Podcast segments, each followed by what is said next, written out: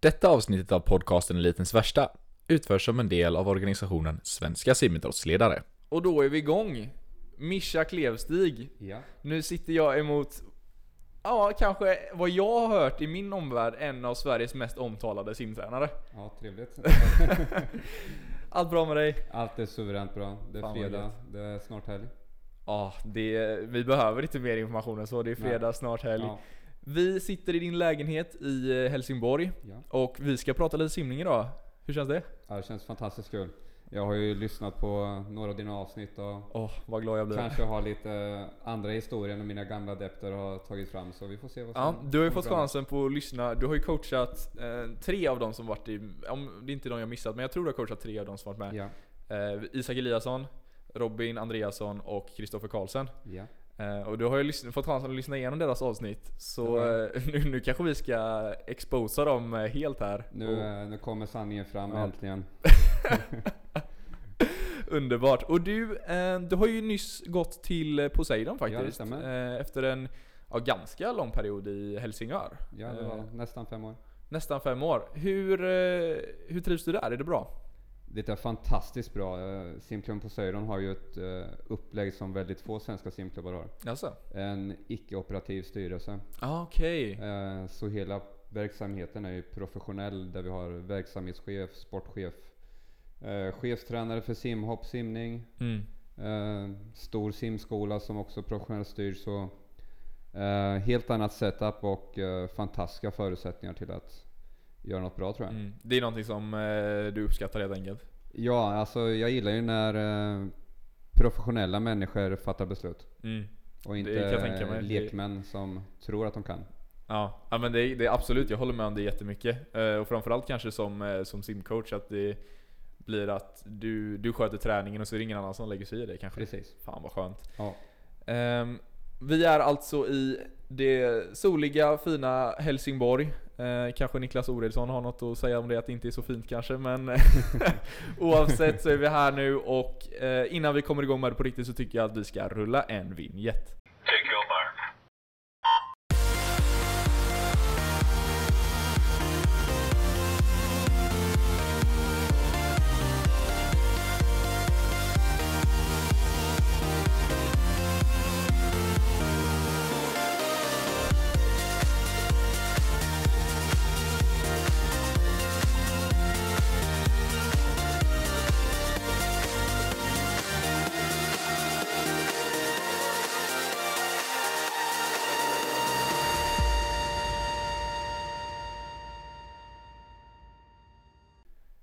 Och efter den underbara, oh så fina och nostalgiska vignetten så är vi tillbaka och eh, även om du inte är en simmare egentligen längre Mischa, Mm. så tänker jag att vi kör samma standardfrågor till dig som simcoach. Ja. Så till att börja med, vilket är ditt allra bästa simminne? Det där är en jättesvår fråga när man eh, tar simcoach-biten, men jag tänker ju ta upp... Ja just det, eh, favoritisera där ja. Nej. eh, nej men den här, den egentligen är den ganska enkel. Eh, 2013, hösten, Valhalla. Mm. Eh, första SM-guldet på 4x200 fritt. Just det, fy fan vad mäktigt. Bara Mölndalssimmare. Åh, gud vad härligt. Och vilka, vilka var det i det? Var det... Då var det var det- Robin Koffe, Isak och Patrik Lövgren. Okej, inte Filip Holmqvist alltså? Nej, han kom in på ett senare tillfälle sen. Ah, De ja, fick ja. slåss om platserna.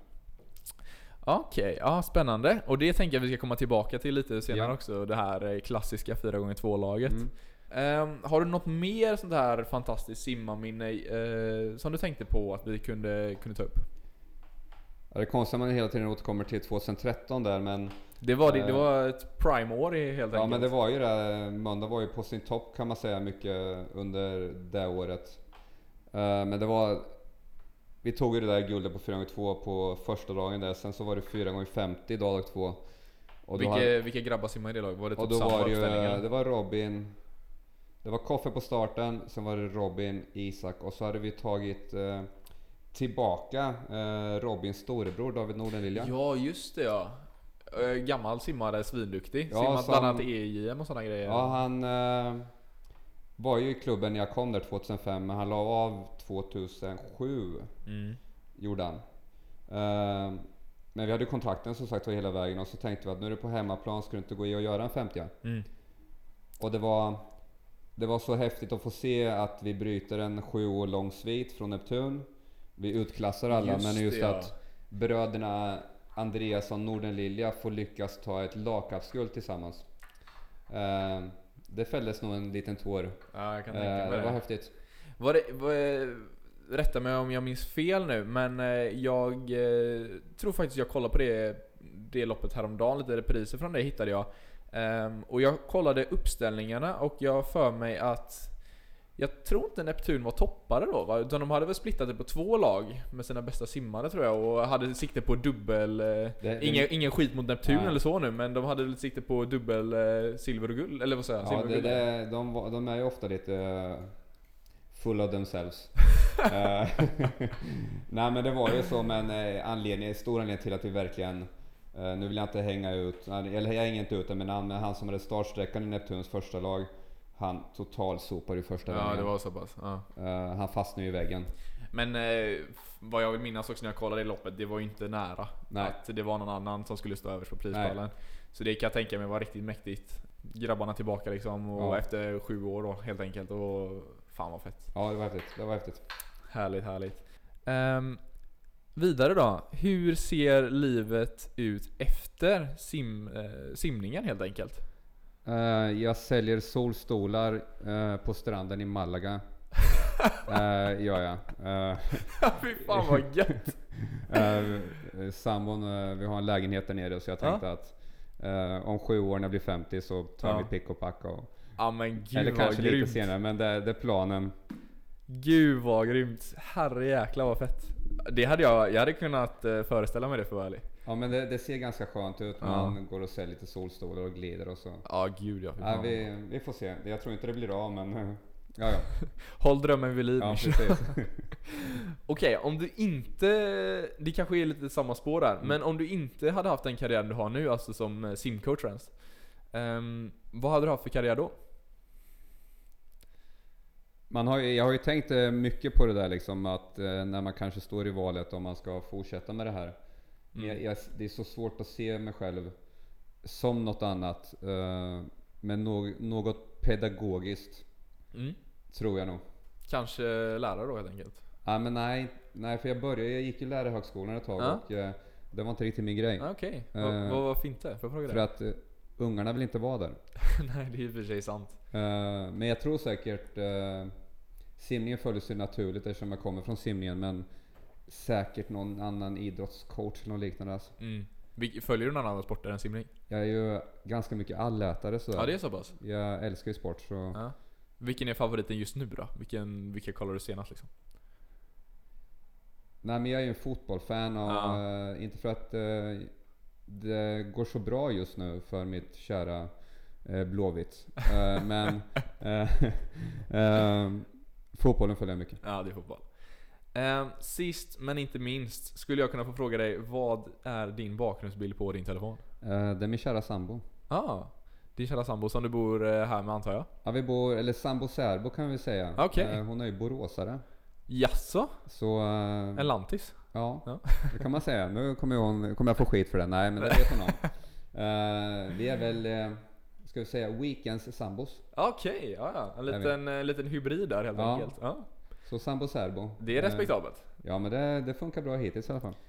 Kanon, då får din kära sambo avrunda vår, eh, våra standardfrågor. Så Mm. eh, har jag lite grejer jag har tänkt på med dig. Ja. Ehm, många känner ju till dig tack vare dina meriter som eh, simcoach. ja. Men du har väl egentligen haft en simkarriär också? Har du det? Ja den var kort. Kan du beskriva den med tre ord? Eh, ja det kanske jag kan. Eh, Eller bara ett ord om det lättare kanske?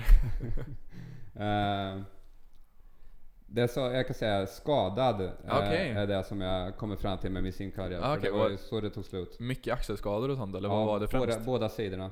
Mm, okej. Eh. Men du var frisimmare då? Ja. Ja. Ah, ja, men eh, du simmade också i Mölndal eller? När du simmade eller? Jag... Försöker du hinta om något eller? jag Nej, det var bara en vild gissning för att vara ärlig. ja. Eh, nej, det vill jag inte påstå att jag gjorde. Eh, men eh, om, du, om du vill veta något så shout out bara. Är det något speciellt du tänker på? Nej jag bara, jag bara undrar vad, vad det började tog slut egentligen. Det, det tog slut i Norrköping för länge, länge sedan och sen så... Ah, det var lite sån dialekt alltså. Jag, Ja. jag kände igen lite. Eh, sen så vet jag att eh, man gjorde någon tränarlockup. Uh, då var jag också på, då var jag tränare i Sumsim på någon sån här Sumsim Riks så hade de tränarlockuper. Mhm. Och sen 2012 eh, så råkade jag få hoppa i en bassäng. Ja. Igen. Det har jag, jag har också hört lite rykten om, om det. Ja. Eh, och det är någonting jag gärna vill, eh, vill att vi ska prata om senare. Ja. Men innan vi går in på det. Så ehm, när tog du, liksom, när väcktes intresset för coachning inom dig? Var det, var det någon gång då du slutade eller hur såg det ut där? Hela historien är att jag hade lagt av med simningen totalt och så gjorde jag militärtjänsten. Mhm. Eh, sen tror jag att det var så att jag skulle ner och gymma i simhallen i Norrköping. Och så Mhm. mötte jag min gamla tränare och så frågade han mig Vill du ta en grupp? Ah, Okej. Eh, och så halkade jag in på bananskal där och tyckte att det här var ju kul. Ja. Och sen så... eh, Man kan säga att jag fick, vad, vad kallar vi grupperna idag? En sorts DM-grupp Mhm. till att börja med. De som kanske inte har motivation eller den sista talangen därför. Ja men jag fattar. Så började jag där och sen så eh, ville jag ha mer så fick jag en semiadengrupp och sen så gick det ganska bra. Ja, det, bara, det blev bara successivt mer helt enkelt. Ja, Ja. Och du eh, fastnade vid det helt enkelt. jag fastnade för det. eh, Varför tror du det? Jag tror att det var för att jag ville ge någonting tillbaks och pröva något annat sätt. Jag var ju långdistansare Mhm. själv, eller mina bästa resultat var väl egentligen som sumsimmare på långdistans. Mm. Och jag gillade inte den träningen riktigt. Nej. Så jag tänkte, kan jag ge någonting tillbaks och att pröva mina egna idéer Ja. på hur träning ska vara. Ah, Okej. Ehm, vidare då. När du väl tog eh, jobbet som eh, tränare, ehm, då kom du väl på både ont och gott antar jag. Mycket fina, härliga minnen och sådana grejer. Men vad är det värsta med att vara simtränare? Eh, Jag tror att det är att man Man måste försaka en hel del och det är vikt, För att få ett socialt liv eh, Så måste man ha väldigt förstående människor runt omkring sig. Mm. Eh, Ja, man, är man, ju- man väljer ju själv som tränare vilken nivå man vill komma upp till eh, i sin karriär. Om man kan nöja sig med att vara ungdomstränare eller på den nivån. Men när jag var så ambitiös som jag ville så eh, det blev ju över 100 resdagar per år under Ja. en viss period. Och Nej då- men det är klart. det, man försakar mycket och det är nog det tuffaste, att man Mm. har fått ge avkall på livet vid sidan av. Ja men uppoffra mycket annat och Ja. prioritera. Och det, jag kan tänka mig det att eh, det kanske är mer än bara ett heltidsjobb. eh, Alltså till och med ganska mycket mer än bara ett heltidsjobb om jag får gissa. Ja, alltså tidsmässigt, men där tror jag att de flesta simtränare kommer in med den inställningen, i alla fall i min generation, att det är okej att göra mycket, mycket mer för att det är det här vi verkligen brinner för. Hade jag stått på löpande bandet på Volvo så kanske jag hade stämplat ut efter mina åtta timmar. Ja men precis. Eh, Det gör man ju inte riktigt nu utan eh, man lever ju med idrottarna. Ja, så simning är ju liksom ja, din passion helt enkelt. Ja, hobby. Passion. Ja, precis. Nej men lite så. Ja. Ehm, och då kan jag tänka mig att om det är din passion så kanske du lever in i det ganska mycket och när du väl står där på någon, någon viktig tävling, om det är internationellt eller något SM eller vad det nu är. ehm, blir du lätt nervös som tränare? Ah fy fan. Eh, skojar du? Eh, Okej, ja. Vi kanske kommer tillbaks till eh, våra härliga 4x2 men ehm, Just inför det här loppet i Göteborg där 4x2 så ja. Jag tror jag sa till Niklas faktiskt att eh, jag går ut härifrån. jag, jag, mådde, jag mådde riktigt illa alltså. Ja, Och det, du, jag kan tänka mig det. men jag, jag, jag har sagt det hela tiden att den dagen jag känner att jag inte har den här nervösa känslan eh, då, gäller, då får jag byta jobb.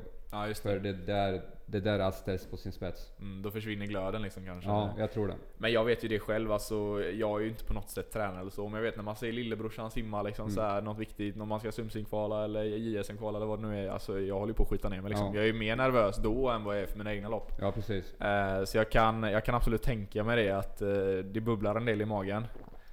Ja, det är en Eh. obehaglig känsla alltså. Man, eh, ja, det är det. Har det påverkat dig mycket? Eller har det kunnat så här, påverka dig innan med så här, att, att ta lite dåliga beslut och sådana grejer med, med lagkapsutställningar och sånt? Eller hur? Ja, men det är ju en sån grej känner jag väl att jag nästan aldrig har bommat på en laguppställning. Men eh, jag vet ju att jag gärna behöver hålla mig ifrån eh, simmarna Mm. i slutfasen. Jag, jag vill ju på ett sätt, är det en lagsimning till exempel, då tar vi alltid en sista samling en eh, halvtimme innan. Ja, Men sen ska jag nog gärna hålla mig därifrån. Jag behöver inte projicera min... nej. Jag, jag tror säkert att jag kan dölja den, men det, det kan jag nog inte göra för att nej. vissa gånger har det bara gått så långt så att jag... Ja, jag, är så, jag är så nervös att jag inte vill vara där ens en gång. Speciellt en 4 gånger 2 det tar ju sju minuter liksom. Ja precis, det är, man håller på så jäkla, Det är inte som 50 fritt liksom. Nej. Det håller bara på i några sekunder liksom. Ja. Så. Men eh, ja, shit. För jag minns, jag har stått bredvid några tränare på diverse SM och de står och hyperventilerar liksom för det är så. eh, Men jag kan tänka mig att det verkligen är tufft. Ehm, men var det, var det värst då där 2000, eh, 2013, 2015 då där det var liksom så här. Jo men def, definitivt, för det, det är liksom man... Man jobbar ju tillsammans med de här atleterna dag ut och dag in så lång tid och man vill ju se dem lyckas. Mm. Det är ju inte för min skull. Nej nej. Eh, det skiter jag ju fullständigt i. Utan det är ju för att de där individerna ska lyckas och det de gjort tillsammans. Ja. Eh, och jag vet ju eh, när jag och Niklas sitter där 2013 på läktaren innan liksom och jag har det inte bra då. Eh, men sen släpper det liksom eh, till slut och att få glädjas med dem det, det är det som gör det värt det liksom. Det, det är fantastiskt. Mm, det finns ingen som slår den känslan när Nej. man väl går i mål och... Eller för dina simmare som Ja. går i mål och bara... Först på... Vad heter det? Scoreboarden och så. Ja det, ja, det behöver inte vara Mäktigt. just segrar på det sättet. Nej, Och Det är lite när man Nej men det är klart. Det är också med där man tar, vad är dina bästa simminnen? Nu tar jag upp många guldmedaljer och sånt här men det är också tänkt tillbaks på ofta liksom att vad vad är du mest stolt över? Det kanske inte är just de här SM-gulden, eh, VM-simningarna och sånt utan det kanske mer är de här som kanske inte hade, alltså det är klart att Robin och Koffe och Isak, eh, de har ju fysiska attribut som gör att det kanske gör det lättare för dem att simma snabbt. Eh, men de här som är precis bakom, som kanske inte har den där riktiga talangen om man säger, och ändå har lyckats otroligt bra. Det är nästan de som man tänker mest på i det här, liksom att man har lyckats få fram dem till succé. Mm. Istället för de som, nu ska jag inte säga att vem som helst hade kunnat träna de här grabbarna eller tjejerna som är duktiga. Men det gör det betydligt enklare att ha en sån kille eller tjej i sitt stall och få resultat. Mm. Än att ha den här som man måste jobba lite extra med. Mm. Ja men det är klart, absolut. Ehm, innan vi kommer ifrån det helt då, Ja. ska vi gå in lite på det här 4x2-laget med... Eh, vad jag har förstått det så var det väl ett gäng grabbar, inte bara fyra stycken, utan att det var, det var kanske fem sex stycken grabbar Jo, som eh, jobbar runt det. Hela historien börjar med att vi, när vi fick reda på att det skulle vara ett SM i... Det började egentligen, vi tog första medalj gjorde vi 2010 när Robin var den stora stjärnan. På 4x2-laget eller? Ja, eh, utomhus i Malmö när han slog igenom det året. just det. Eh, Men vi kände väl kanske att det tog och sen när det kom upp mot 2012 och Koffe började växa till sig lite och eh, Isak började växa till sig lite att nu Nu kommer ett hemma-SM 2013 Mm. och vi kallar det hemma även om det var i Göteborg. Ja men det är ju nästgårds Ja, liksom. ja, så då tänkte vi att nu ska vi, nu ska vi visa liksom att nu är vi med. Ja. Så vi jobbade ju så hårt på att få ihop det här laget och som sagt det var inte bara fyra stycken som var självklara. Utan det var nummer fem och nummer sex också. Vi visste inte riktigt i slutändan vilka fyra som skulle simma. Eh, och det gjorde att träningarna blev ju fantastiska. Mm. Alltså det- alla visste om att man slog som den här fjärde platsen. Ja, liksom. och ha träningar där det är speciellt de tre som stod ut, Robin, Koff och Isak, att man visste ju inte vem som var bäst nästa träning. Nej. Utan eh, gjorde man 24-2 på en 50 nerifrån Mm. så kunde man vara trea på träningen. Ja. Eh, det var ju de här sakerna som gjorde att vi hela tiden steppade upp. Ja. Ja jäklar, det, jag, jag minns jag pratade med, när Koffe sa det, han sa att ni tränade just Det var det han tryckte väldigt mycket på, att ni tränade så extremt bra helt enkelt under en väldigt lång period. Eh, var det nyckeln till att det gick så bra i laget tror du? Vi byggde lag från början i Mölndal för vi var inte en bra klubb. Eh, när jag kom dit så, och vi hade knappt några kvalare till mästerskapen. Mm. Men vi kunde få med lag. Eh, så det var så egentligen vi byggde hela mentaliteten i Mölndal, att lag är det viktigaste. Mm. Eh, så det blev ju automatiskt med de här grabbarna, eh, med deras tävlingsinstinkt, eh, så var det svårt att inte göra en bra träning. Mm. För ingen vill ha stryk liksom. Nej men det är klart. Och eh, ja, det låter ju nästan som ett eh, recipe for success egentligen. Alltså, det är ju egentligen så man borde sträva kanske efter att eh, träna. Eh, eller Jag, jag, jag tror det att eh, det är en individuell sport, men har man inte laget så tror jag att det, det är kört liksom. Det, Ja. ehm, nej, där var det definitivt ett eh, framgångsrecept. Mm. Om vi hoppar fram lite då ehm, till när det började gälla på riktigt då. ehm, SM Göteborg. Ja. Ehm, hade ni redan då siktet inställt på svenska rekordet? Det var faktiskt när, vi, eh, när de kom upp, när vi hade kramats lite och sånt, som jag började titta. Såg tiden, för tiden var obetydlig, men då såg vi att vi var, jag tror vi var en sekund från svenska rekordet i kortbana. Och vi hade inte ens tänkt på det, utan vi skulle bara vinna. Eh, och då bestämde vi oss för att redan på sommaren 2014 i Borås skulle vi ta långbanerekordet. Mm. Just det. Eh, men det var ju en person som inte kunde hålla nerverna i styr, så det blev ju inget Ah, okej, rekord ja. där. Nej. Eh, Men då var ju rekordet både det 26 år gamla i långbana och även kortbanerekordet var såklart. Det var Det, det var det vi skulle ha. Ja. Och sen, vad var det? Sundsvall? Som det rök 2015 va? Ja. Ja. Hur, var, hur var känslan på kanten då? När du stod eh, och så var det Robin som körde sista sträckan, eller hur, hur var det nu? Det, det är ju det att, att Robin hade sista, det var att jag visste att vi alltid skulle vinna med honom på sista. Ja, just det. Var- Så om ni hade en viss tid vid, 100, eh, vid Alltså- 600 så... Var vi, var vi fem meter efter eller var vi jämsides något? Jag visste att Robin med sin erfarenhet som han hade då Ja. och sin känsla för det så skulle vi alltid vinna. Mm. Eh, Så det, det var... Vid 600 var det klart. Ja precis, så länge ni inte hade liksom flera kroppslängder bakom kanske. Nej, precis. Ja. Nej men eh, det är ändå mäktigt att kunna, kunna tänka så, ha det liksom eh, förtroendet för, eh, för en simmare så liksom. Det, det tror... Det låter mäktigt alltså, verkligen. Ja, det var, och det var väldigt speciellt för min egen del för jag... Jag var ju redan klar för Helsingör. Mm, just det ja. Ja just det, det, var sista... Det var, det var ingen som visste egentligen. Utan, Nej. eller jag var inte riktigt klar, men jag var nästan klar. Och, så jag, jag visste ju själv om att det här var Mm. sista chansen. Sista dansen, sista chansen. Ja. Ja. Ja. mäktigt. Du, nu tänker jag att eh, jag är väldigt, väldigt sugen på att eh, hoppa tillbaka lite i tiden. Eh, inte jättelångt, men eh, och prata lite om om det var världscupen 2012 eller 2013, kommer jag inte riktigt ihåg. Tror jag det var. 2012, ja du, du vet redan vad Ja, jag ja, ja. insinuerar helt enkelt. ska, vi, ska vi börja med upploppet där? Du blev uttagen som att coacha det... Världscupgänget. Ja, eh, världscupgänget där helt eh, enkelt. Dubai och Doha. Ehm, ja, mäktigt, mäktigt som fan. Var det bland dina första internationella Nej, mästerskap? min första var faktiskt eh, 2010 Ah, okej. eh, i Budapest. Ja, du var med då! Ja. Fan vad mäktigt. Ja.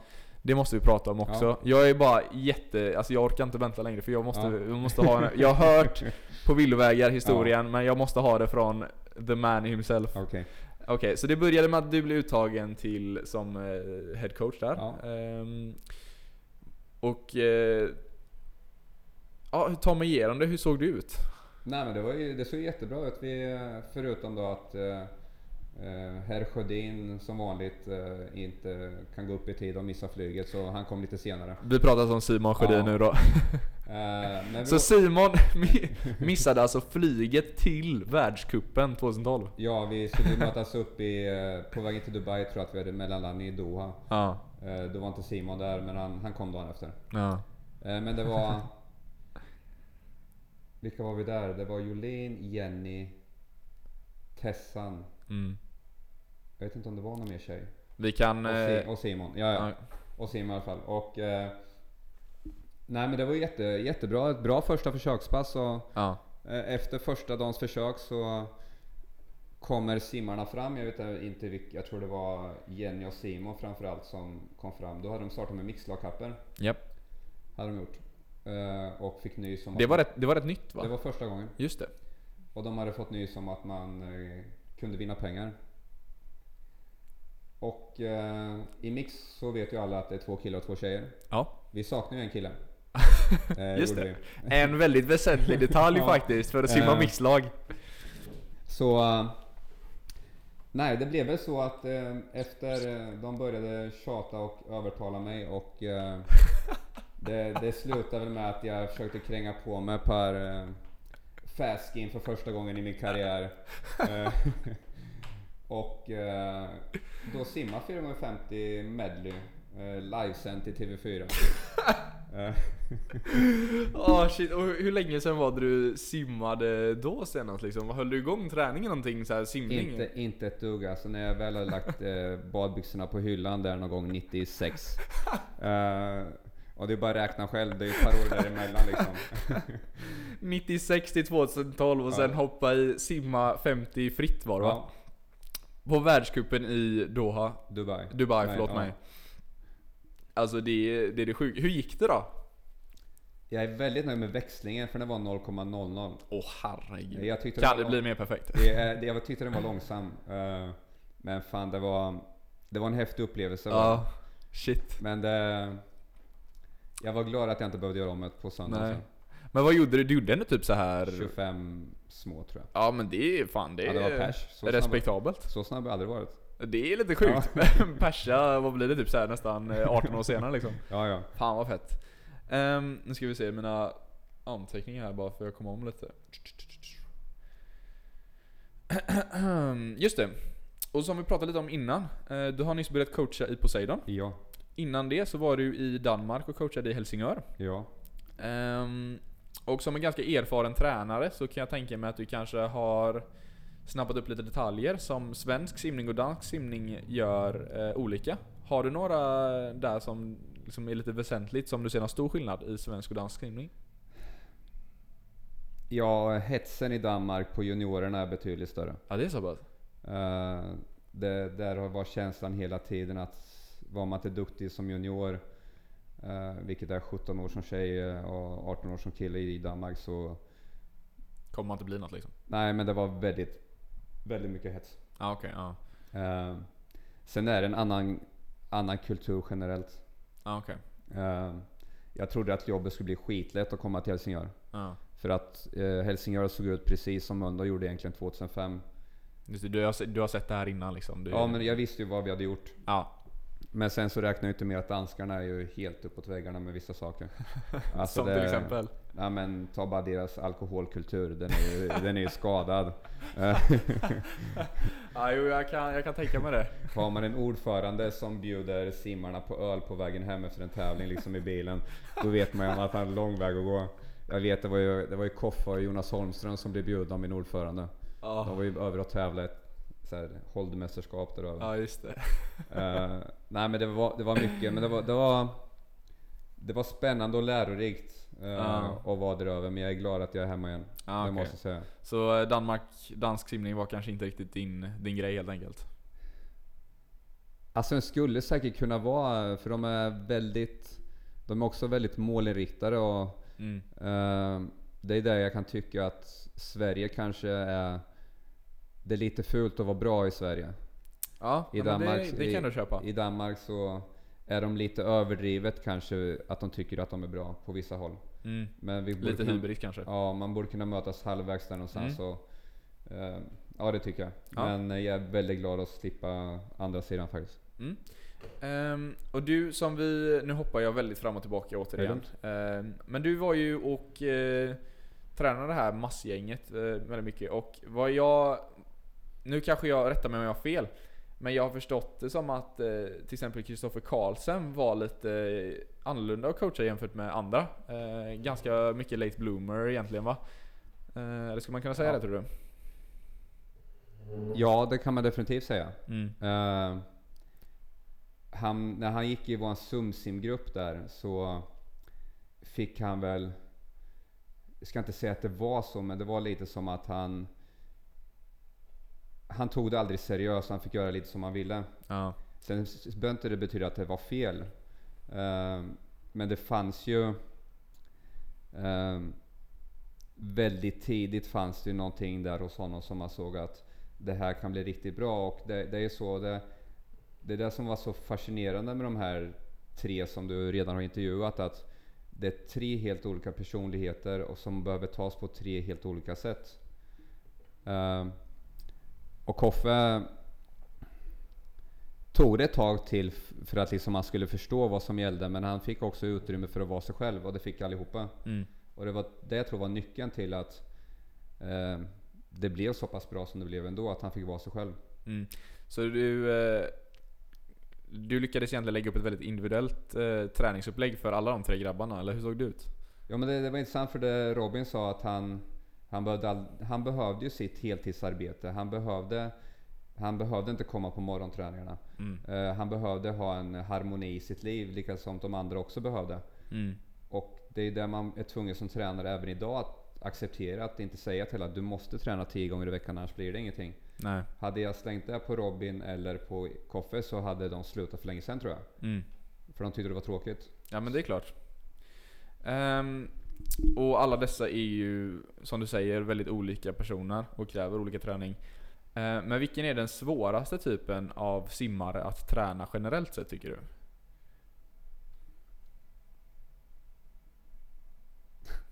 Ja det där var ju, den där frågan har jag aldrig fått faktiskt. Nej? Och den var Är väldigt, det kanske den omotiverade eller den eh, slappa? ja men eller den, den omotiverade, alltså det är det, de vill jag inte ens träna på. Äh, förstår mig rätt nu? Ja, ja, nej, men det förstår jag. Eh, men det, är man omotiverad då ska man göra någonting annat. Mm. Eh, det, det är ju det här att hitta balansen hos alla, så sagt se alla som olika individer och förstå att de har olika behov. Hade jag sagt till Koffe, du ska träna 10 gånger i veckan. Eh, då hade han tyckt det var skittråkigt. Mm. Och så kanske det hade blivit någonting. Hade jag sagt det till Isak, då hade han gjort det. Mm. Om han hade förtroende för mig. Ja, Eh, precis. så det, det är ju den balansen måste ha hela tiden. Mm. Ehm, vidare då. Och jag tänkte att jag är väl egentligen, även fast jag kan liksom en promille av vad du kan om simning, så skulle jag vilja säga att jag är lite, jag är lite simnördig. Ja. Eh, Så jag tänkte att vi skulle nörda in oss lite i, eh, i träning helt enkelt. Ehm, och jag tänkte att vi skulle börja med vad jag tror är din favorit. Och då pratar jag om fart och sprintpass. Är det din favorit eller? Och coacha liksom. Ja. Ja, det är det. Ehm, först och främst, vad är, vad är viktigast anser du när man eh, kör, alltså som simmare kör en sprint eller fartserie liksom? Eller sprintpass? Vad, jag säger att vad du än simmar för sorts serie, vad det än är för sorts träningspass eller vilken period du är i Mm. i din säsong så är det kvalitet, kvalitet, kvalitet. Mm. Så det är aldrig att man håller på att göra någonting eh, bara för att man gör det liksom? Ja, det, det är det värsta jag vet. Mm. Att eh, slänga bort massa tid på saker som inte har en poäng. Eh, när simmarna istället kan läsa sina läxor eller jobba eller umgås med flickvän eller pojkvän eller det kan vara istället. Eh, det är det värsta jag vet. Ja. Eh, jag har väl tagit med mig, det kommer ju säkert på säga de simmarna, de har hört att eh, hur bra kan vi bli på att göra så lite som möjligt? Mm. Ja men det, den eh, mentaliteten gillar jag faktiskt. Det, det det- känns vettigt. För jag, jag tror att, eh, eller jag vet eftersom jag gjorde en, eh, en avhandling här nu i, i våras, att eh, man kan få ut samma effekter på det aeroba systemet genom att ta bort 30% av volymen och höja intensiteten. Mm. Så jag tycker att vi ser till att allt blir med bra kvalitet, för det är en tekniksport vi håller på med. Mm. Så din egentligen, ditt tydligaste drag som simcoach är mindre volym och mer kvalitet typ? Ja. Så eh, när du eh, skriver ett, nu kanske det är svårt att svara på rak hand, men hur ser ett typiskt sprintpass ut för dig? Eller fartpass? Nej men... eh, insimmen är ganska basic för mig Mm. eh, just nu. För de brukar se ganska liknande ut. Att det är en 300-600 meter att eh, komma igång, få igång hjärta lungor lite. Mycket undervattensarbete Mhm. Eh, för att få upp eh, pulsen lite om det. Men hitta en bra teknik från första början. Lite, lite teknik eh, där de själva hittar sina fokuspunkter. Lite fartökningar kanske. Och då har vi gått 20 minuter och sen kommer fartbiten. Mm. Och vad, vad gillar du? Har du någon speciell favoritfartserie eh, typ som du gillar att köra? Eller något koncept du gillar väldigt mycket? Jag gillar bara det hög, det, hög intensitet är viktigt för mig. Eh, vilket energisystem vi än väljer. Eh, men jag har kommit mer och mer in på det här också att vara noga med att vi arbetar en viss tid i en viss zon. Så är det maximal syreupptagningssätt vi har eh, så har jag väl ett stående som vi har haft nu nästan varje vecka att mina medeldistansare kör eh, 6 gånger 2 minuter. Ja okej, inte alltså 6 gånger 150 då någonstans Och utan det- eh, långdistanserna kör 5 gånger 3 minuter. mm. Eh, för då är jag, vet jag precis att de hamnar i 12 minuter respektive 15 minuter på den intensitet jag vill. Mm. Blir det mycket, mycket slang och sådana grejer eller kör du bara, bara kör på? Nej, just, just nu har det inte varit så mycket slang, det, men det har att göra med också att när jag hade grabbarna i Mölndal så var de betydligt äldre Mm. och större. Och det, ett typiskt sprintpass för de där grabbarna i Mölndal var ju de var inne på gymmet, så kom de och simma in 300, sen slangade de lite grann eh, och sen så simmar de av. Ja okej, väldigt, eh, väldigt kort egentligen. Ja, ja. Ja. Eh, Det gjorde de två gånger i veckan tror jag. Ah shit. Ja. Eh, och som sagt, eh, det funkar för dem. Eh, Mm. Det är inte säkert det funkar för den klientell jag har nu. Nej. Eh, men det, det är lite av balansen och Ja. framförallt så tror jag att det har att göra mycket med att Tror de på att det är bra för dem eh, så blir det bra. Mm. Det är, klart, det är klart att sprinters tycker om att komma ner och simma in 95 minuter, slanga lite och sen simma av. Ja, ja, ja, Det är klart de tycker om det. Då kommer de därifrån och bara Wow, vad bra jag är. Skojar du eller? Det är fan det bästa jag vet. um, säsongsmässigt då, hur brukar du lägga upp den eh, träning? Brukar du gå in i många olika perioder? Att du har eh, att du kör en vecka som är hårdare och så kör du olika, eller hur ser det ut där för dig? Jag har lite dålig koll på det för att vara ärlig. Just nu ser det ut som att vi tränar hårt hela tiden. Okej. Eh, från dag ett så kör vi högintensivt egentligen. Mm. Men att det högintensiva såklart är mer på den aeroba delen under starten av säsongen. Mm. Och det blir ju betydligt mer, mer lågintensiv aerobt i starten av säsongen också. Mm. Eh, och sen så kommer man, desto längre närmare mästerskapet vi gör nu så kommer det högintensiva gå mer och mer mot anaeroba spektrat. Mm. Så egentligen är det bara att i Poseidon nu så står vi inför en fantastiskt trevlig höst tror jag som vi Vi hade sommarlovet i slutet av juni. Just det ja. Så vi har, ju- vi har ju redan varit igång i över två månader i träning. Mm. Ja men det är nog samma här ungefär. Ja. Ehm, och veckan då träningsmässigt? Hur många, hur många fartpass brukar du köra nu? Hur många fart och sprintpass? Eh, fyra renodlade fart Ah, Okej, Och det är rätt mycket ändå tycker jag. och ett renodlat sprint. Ja, Okej, så... f- 50%, egentligen- nästan 50%. Ja. Eh, som sagt, du är väl eh, lite din, vad ska man säga? Ditt drag är väl just det här med, Ja. med fart egentligen. Så att, Och jag har en favoritserie. Du har en favoritserie? Ja, får, vi, får du, kan du avslöja den? Eh, 40-25 45 eh, 100 pace. Okej, det var... jag förväntade mig något mer där, men det var bara... Okej. Ja. Var typ start 40 eller 30 Ja. eller? Okej, ja 40. 40 har vi nu, eh, man kan gå ner mot 35-30 beroende på Ja. hur, hur det går. Men det, det gör att i den serien så, det är egentligen en maximal syreupptagningsserie för att man, kom, man, man blir aldrig riktigt anaerob Mm. om man inte blåser på för hårt i början. Eh, det gör att du kan simma på exakt samma sätt varje 25 Frekvenser, andningsmönster, undervattensarbete. Du kan simma på precis samma sätt 40-25 Mm. Och det gör också att du, det neurologiska sätter sig på den simningen. Mm. Och när du väl kommer till din 100 simning sen så vet du på ett sätt redan. Du behöver inte ens tänka på hur du ska simma det. Nej. Och nu är vi inne på vecka 8 tror jag. Sen jag gick igång fullt ut och vi har gjort det varje tisdag. Mäktigt. Alltså den serien är egentligen så bra för att du lär kroppen, det är det här du ska göra, Ja. så slipper man tänka liksom. Ja. Ja, det, det låter väldigt vettigt faktiskt. Ehm, och Isak Eliasson hade faktiskt hört av sig precis innan jag, alltså när jag klev in genom dörren så fick jag ett sms från han.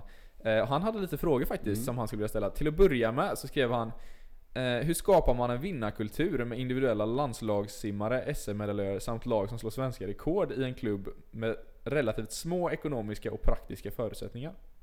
Till exempel barnutrymme och träningstider. Och jag, Ja, jag förmodar det- att han eh, insinuerar mass där väldigt mycket, eh, Mölndals allmänna simkunskap. Eh, hade ni, eh, alltså hur såg förutsättningarna ut egentligen där? Ja, eh, det är det som är så spännande för att man... Man kan ju tro om man står utanför liksom att... På något sätt, om man står utanför Mölndal och tittar liksom hur det, måste de ha det bra som helst. Men det är också så att två gånger i veckan där upp mot mellan 11 och 2014 eh, så var vi åtta eller fler simmare på en lång bana i Åby simhall. Mm. Och då får vi räkna med att där ligger det alltså de här fyra meters drassuterna Ja och simmar, och simmar frisim samtidigt som vi har en OS-simmerska som simmar bröstsim på samma Ja, bana. ja men det är klart. Och det gick bra. Ja. Eh, jag tror att det gäller att hitta de här, den här gruppen av individer som vill samma sak Mm. och som under träning hjälper varandra att ta nästa steg. Mm. Och hur man skapar det, det man ska ha tur att hitta de personerna tror jag. Ja det är så. Och sen... Eh, Det är väl klart att det var tur. ja ja, men det är att, klart. Att, ja, ja. att man har fyra två meters killar som kan simma crawl i Mölndal. det, det, var ju, inte- det, det är klart att det är lite Ja, ja, ja men det, absolut. Det är klart. Det, alltså jag menar, det finns väl kanske ingen simmare någonsin som har tagit en OS-medalj utan tur liksom. Så, att, Nej. eh, absolut, det köper jag. Ehm, Isak undrar också vad du har lärt dig i tiden under Helsing, eh, Helsingör och Poseidon som du önskar att du redan hade eh, kunskapen om i mass och kunde applicera där. I Helsingör, just i Helsingör simklubb lärde jag mig inte ett dugg. Eh, Okej, men eh, jag gick ju en utbildning i Danmark som jag examinerade nu i våras. okej. Eh, som har varit väldigt mycket in på hur talangutveckling och fysiologi, eh, idrottspsykologi och sånt. Och jag tror att hade jag än mer vetat just det med intensiteter och vilken effekt det kan ge på träningen så hade jag nog ännu mer kunnat vara mer individspecifik i träningen. Mhm.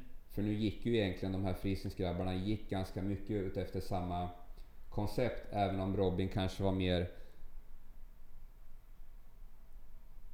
100-200 eh, och Koffe egentligen kanske mer var renodlad 100 och Isa kanske mer mot 102-400 Mm, just det. så kanske de hade behövt olika upplägg men nu blev det lite mer så att det blev ganska likadant för dem. Ja, just det. Ehm, vilket svenskt rekord slash SM-guld värdesatte han högst av det vi tog i lagkapp? 4x2 Göteborg 2013, Borås 2014, Stockholm 2014 eller Sundsvall 2015? Lång fråga, men hängde Ja. du med där? Eh, Borås 2014 kan vi glömma för då var jag faktiskt ganska irriterad efter det här loppet. Den hamnar på botten helt enkelt. Ja, den, den hamnade längst ner. Eh, 2014 när vi tog det svenska rekordet i Stockholm eh, hamnade på plats nummer tre. Asså? För det var så givet att vi skulle slå svenska Ja, rekordet. ja, ja, det är klart. Ja. Eh, det var ingen tvekan om det tyckte Nej. jag. Utan, eh, det var bara intressant att det blev en så hård match mot Neptun som det blev. Mm, Men svenska rekordet och guldet tyckte jag att det var självskrivet innan. mm. Sen är det, Mellan Göteborg 2013 och Sundsvall 2015 helt enkelt. alltså glädjemässigt så är ju Göteborg Och vi pratar ju fortfarande då om 4x2-laget. Ja, ja men det, Ehm, det är ju lagkap till där i Göteborg som också är väldigt stark i mitt hjärta. Ja, okej. Eh, Men jag tror ändå att vi bor, det blir nog Göteborg som vinner för att det var det första och vi hade jobbat så lång tid mot det. Mhm. Sundsvalls, det gamla svenska rekordet borde vi ha tagit i Borås. Mm. Vi borde ta det redan då. Så Ja. det blev liksom som är att okej, men då får vi ta det ordentligt nästa år. Ja. ja, men det är klart. Ehm, och den sista frågan han skickat in. ehm, nu hade du kanske inte svarat på den om, eh, om du hade coachat dem nu, de här grabbarna. Eh, men han, Isak undrar alltså, vem hade egentligen störst, eller har egentligen störst eh, talang och bäst teknik? Robin, Koffe eller Isak? Och vad skiljer dem åt? du behöver inte avslöja det om du... Ja, Okej, ja. Simma Sverige, brace yourself, här Ja. kommer det. Mischa Klevstig ska nu uttala sig. Robin har den mest naturliga, för den... Jag, tror, jag vet inte om någon har varit inne och rört på den överhuvudtaget. Nej. Eh, Det, det har varit ett automatiskt som han har fått från första dagen jag mötte honom 2005. För han har ju en väldigt speciell teknik Ja. egentligen, men väldigt ren. Får Ja. man säga så? Det, det, och det har ju mycket med hans vattenläge men han har ju en känsla. Koffe är ju mer en, en teknik som vi har jobbat fram. Mm. Eh, som passar sig väldigt bra för 100 och 200 tror jag. Ja. Uh, Medan det är svårt för Isaks passage egentligen. Han kan mer vara en 50 till en 400 simmare med sin teknik. Det- Lite flexibel egentligen. Ja, det Isak behöver det är att lära sig att simma med benen hela tiden. Där har du Isak. Ja. Kanon! Eh, jag känner mig... Ja, det har varit så insiktsfullt det här redan, men jag tänker att nu har det, alltså, nu har det faktiskt blivit dags för det det egentligen ska handla om. Ja, shit. Och eh, jag undrar självklart... Vänta stopp, innan vi gör det så ska jag bara, jag ska bara tänka upplägga nu. Ehm, just det. Men nu Mischa, nu orkar jag faktiskt inte vänta längre. Jag måste få höra av dig vilket som är dina värsta prestationer, eller förlåt mig, vilka som är dina simmares värsta prestationer någonsin. Sen är det självklart, nu känner jag så här, du behöver kanske inte hänga ut dem. Men eh, det hade varit roligt att höra om när du som tränare känt dig som mest misslyckad och Mm. känt att dina simmare gjort bort sig helt. Ja, jag, jag har ju tänkt en eh, del på detta och eh, det är ju sagt att man står i en helt annan situation som coach. Mm. Där det kan vara 100 lopp under en tävling och det är klart att inte alla är bra men jag tror inte heller att jag tänker att oh shit vad det här är dåligt. Ja det kanske jag gör. Eh, men att det blir ett värsta minnet. Mm. Eh, Men sen kom det upp ett lopp faktiskt som jag kände att det här kanske var en sån här ett lopp som man hade önskat skulle slutat lite annorlunda. Mm. Eh, Och jag, inte jag tror det Sette Colli 2014. Okej. Eh, Vi är nere i Rom. Och, Och du är eh, då internationell tränare där då för gänget eller är det Ja, mass? det, eh, vi, var en hel del, vi var en del masssimmare där men jag Ja. tror jag var där för landslagets räkning. Ja. Ehm, men så... Det var 13 eller 14 fall. Men jag sa i alla fall, Koffa hade blivit eh, ganska duktig och eh, under kortbana... Jo det var 14, för kortbana VM 13 i Istanbul där så eh, började jag snacka med Marseilles tränare. Mhm. För han hade ju ganska duktiga simmare, Manadou och Ja eh, bland annat. Ja okej, ja. Och så tänkte jag att det där är ett bra sprintgäng. Eh, Det vore kul om Koffe fick komma dit och träna med dem ett tag. Mm. Och Ja lä- absolut, och- och- jävlar det är Ja. mäktigt alltså. Så vi snackade och liksom höll kontakten under våren och eh, skulle mötas upp där på eh, Settikoli i Rom. Mhm. Så jag träffade ut Roman som han heter och så började vi snacka om då Koffe. Ja men så frågade ju Roman liksom, ja, när ska han simma? Han simmar 200 fritt här om en timme. Åh, så det var lite så här show-off, det här har jag liksom, det här är min simmare liksom. Eh, Oh, det, aj, aj, det, aj. det, det är den här killen vi har pra- jag har pratat om liksom. Precis, nu ska du få se den mäktiga Kristoffer Karlsson Ja. köra 200 fritt, hans paradgren. Yes. Eh, jag kanske inte... Jag, Koffe visste såklart om att jag hade pratat med honom men jag kanske skulle, jag kanske skulle ha hållit det lite tyst ändå. För Koffe gör ju som han har gjort ett par gånger tidigare. Han Var, Ko- Koffe var taggad och visa vad han gick för helt Precis, enkelt. ja det kan man säga. Ja. Eh, Just den här eh, responsen man har fått många gånger av just honom när han kommer upp och kanske har blivit lite trött. Ja men det kändes så lätt. Ja. Och det gjorde det ju. Jag vet inte om det var 51,5 öppning i långbanan där på... Det är, det är 200. starkt. Det är, det är en stark öppning. 51,5 är snabbt. Ja, 51,5, 52 små där någonstans Ja. på öppningen. Hemgången på 1,06 var inte riktigt, riktigt snabb. Åh jävlar! Eh, Åh shit. Så det, det var just det där liksom att här ska den här killen vilja alltså komma till er och träna. Eh, han kommer simma där och ja, sista hundra var ingen...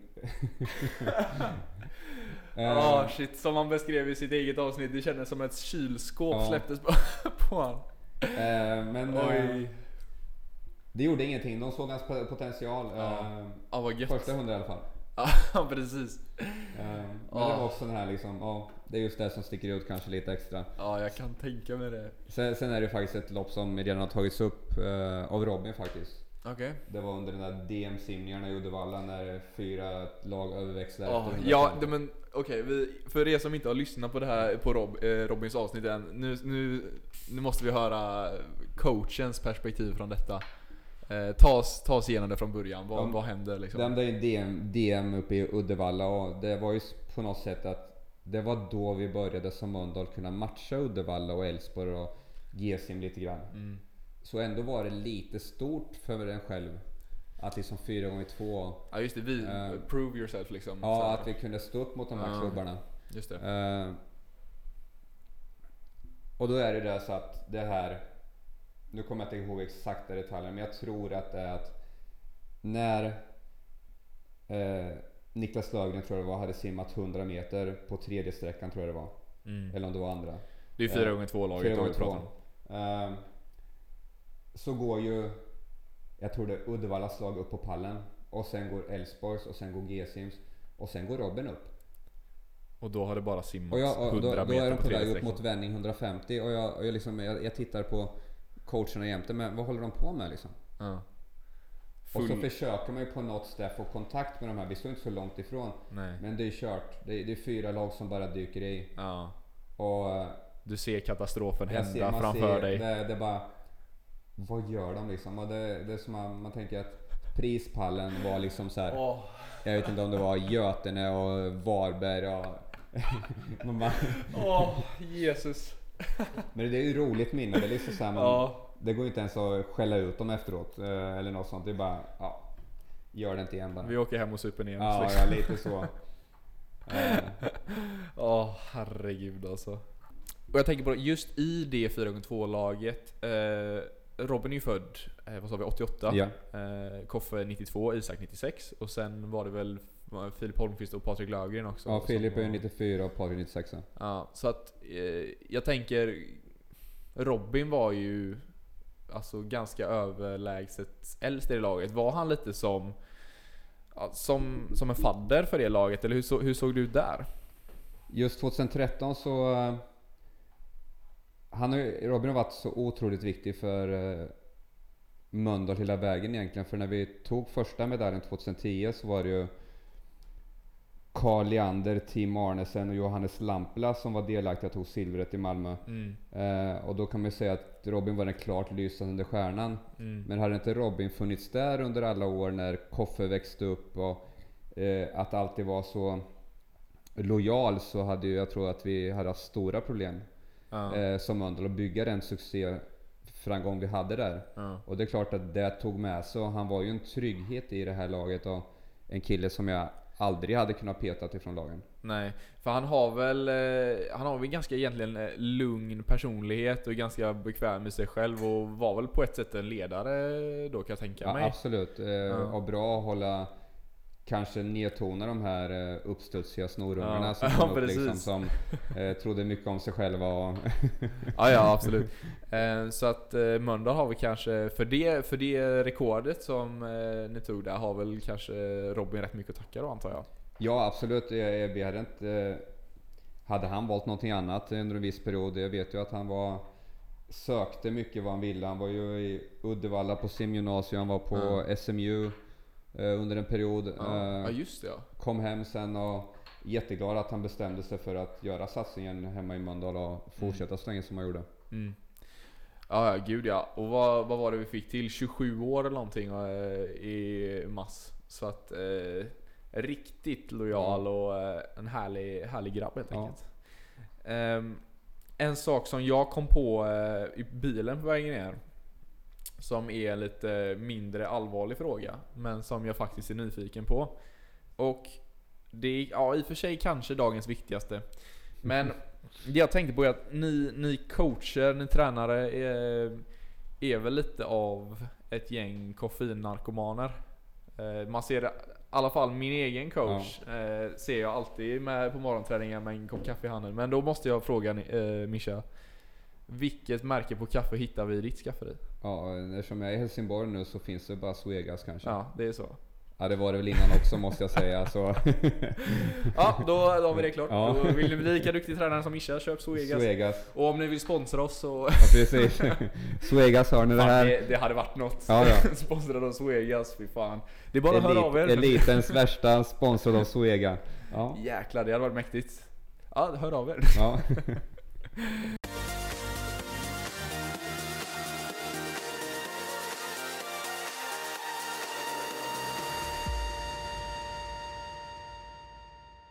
Och innan, vi, eh, innan jag lämnar eh, Helsingborg idag så är jag lite sugen på att höra om ja, den eh, egentligen relativt nya gruppen du har fått, du fått nu i Poseidon.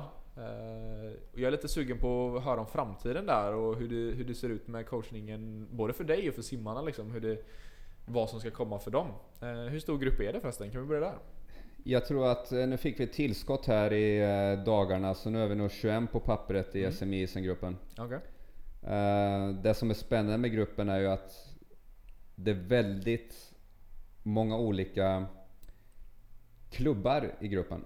Mm. Det, det är Sjöbo, det är Eslöv, det är Hajen, det är, Alltså det är ett hopplock, det är många simmare som har börjat gymnasiet där och Ja. som eh, kommit in. Så det är en salig blandning liksom och kul att se var de kommer ifrån. Det är nästan så att man kan peka fingret på och säga, har det där är en S71-simmare eller det där är en... Ah. Man, man kan se Ja, du har blivit så bra på att känna igen olika tekniker alltså. Jo men precis. Wow, Eh, det är lite fräckt faktiskt. Men det, men det är verkligen spännande grupp alltså. Det, Ja. Vi står inför ett verkligt eh, spännande skifte här för att vi har 10, nej 11 sistaårsjuniorer. Ja, det är fett. Det är jäkligt Eh, fett. Så jag är lite bitter att det inte blir några lagkapper på Mm, SMI ja, är måste jag det är säga. klart. Eh, Men det betyder också att vi har 11 seniorer i januari. Mm. Så, Också, också mäktigt. Och det är det att kunna bibehålla dem. Och hur, Ja. hur gör vi det? Eh, så det är spännande men det finns, det finns mycket, mycket talang i gruppen alltså. Tror ni att vi får se lite eh, återkommande 4 gånger 2 lag där? Eller vad, Jo. vad ligger huvudfokus i både Ja. herrar respektive damer? Jag kan säga så här utan att uh, vara för självsäker så hade det blivit, fyra, hade det blivit lagkapper på JSM då hade tjejerna vunnit 4 gånger 2 Där har vi det. Eh, Tjejerna är Poseidon. de hade- Mischas, Mischas tjejer. ki- Killarna hade vunnit 4 gånger 50 Jäklar Eh, vad, fäkt. Och Vad det, fett. det är också det jag känner att vad fan eh, Varför blir det inga lagkapper? Och jag Men jag antar att vi fortfarande pratar JSM? Ja, JSM. Eh, men det är det som vi snackar, okej, då får vi vinna SM istället. Ja, mm. ja, ja det är klart. För jag, Inga konstigheter. för jag anser ju att varför ska man behöva sluta simma när man är 20 för? Det, det är ju bara onödigt. Ja, det känns som en liten destruktiv kultur som många klubbar har. Att man Ja. lägger av efter JSM-åren. Eh, och nu när dessutom åldrarna är framflyttade blir det ännu värre liksom. Ja, ja, men det, det är bara just det som vi pratade om tidigare, liksom det att individanpassa varje träning. Jag har ju tagit eh, sprinterserna nu som finns i gruppen ändå som var på väg och kände att de kanske inte ville fortsätta längre nu och bla bla bla. Men med ett nytt upplägg med lite färre vattenträningar, lite annat fokus och Mm. de kommer ner och har ett leende på läpparna liksom.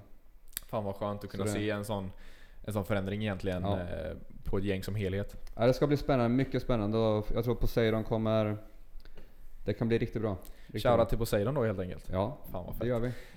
Um, Mischa, det har varit så fantastiskt och insiktsfullt att få vara här och sitta och snacka med dig. Eh, Tack så mycket. det har gått en timma men det har känts som en kvart. Ja. Eh, det har varit sjukt kul och jag är helt säker på att alla andra som lyssnat har lärt sig extremt mycket om hur det är att stå på kanten och Ja. även om eh, träning generellt sett. Eh, och det har vi dig att tacka för.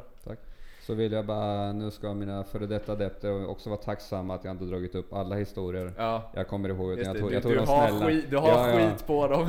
Det, det blir i nästa poddavsnitt när vi kör en Ja, uppföljning. precis. Ja, då alltså Robin, Isak, Koffe, Ja, passa ja. er. Mischa is coming for you. Ja, precis. Dunder! Allesammans, tusen tack för att just du har lyssnat på Elitens Värsta med mig, Rickard Ekholm och självklart Mischa Klevstig. Eh, och vi önskar er en fantastisk vecka. Ha det bra, sköt om er så syns vi i nästa avsnitt.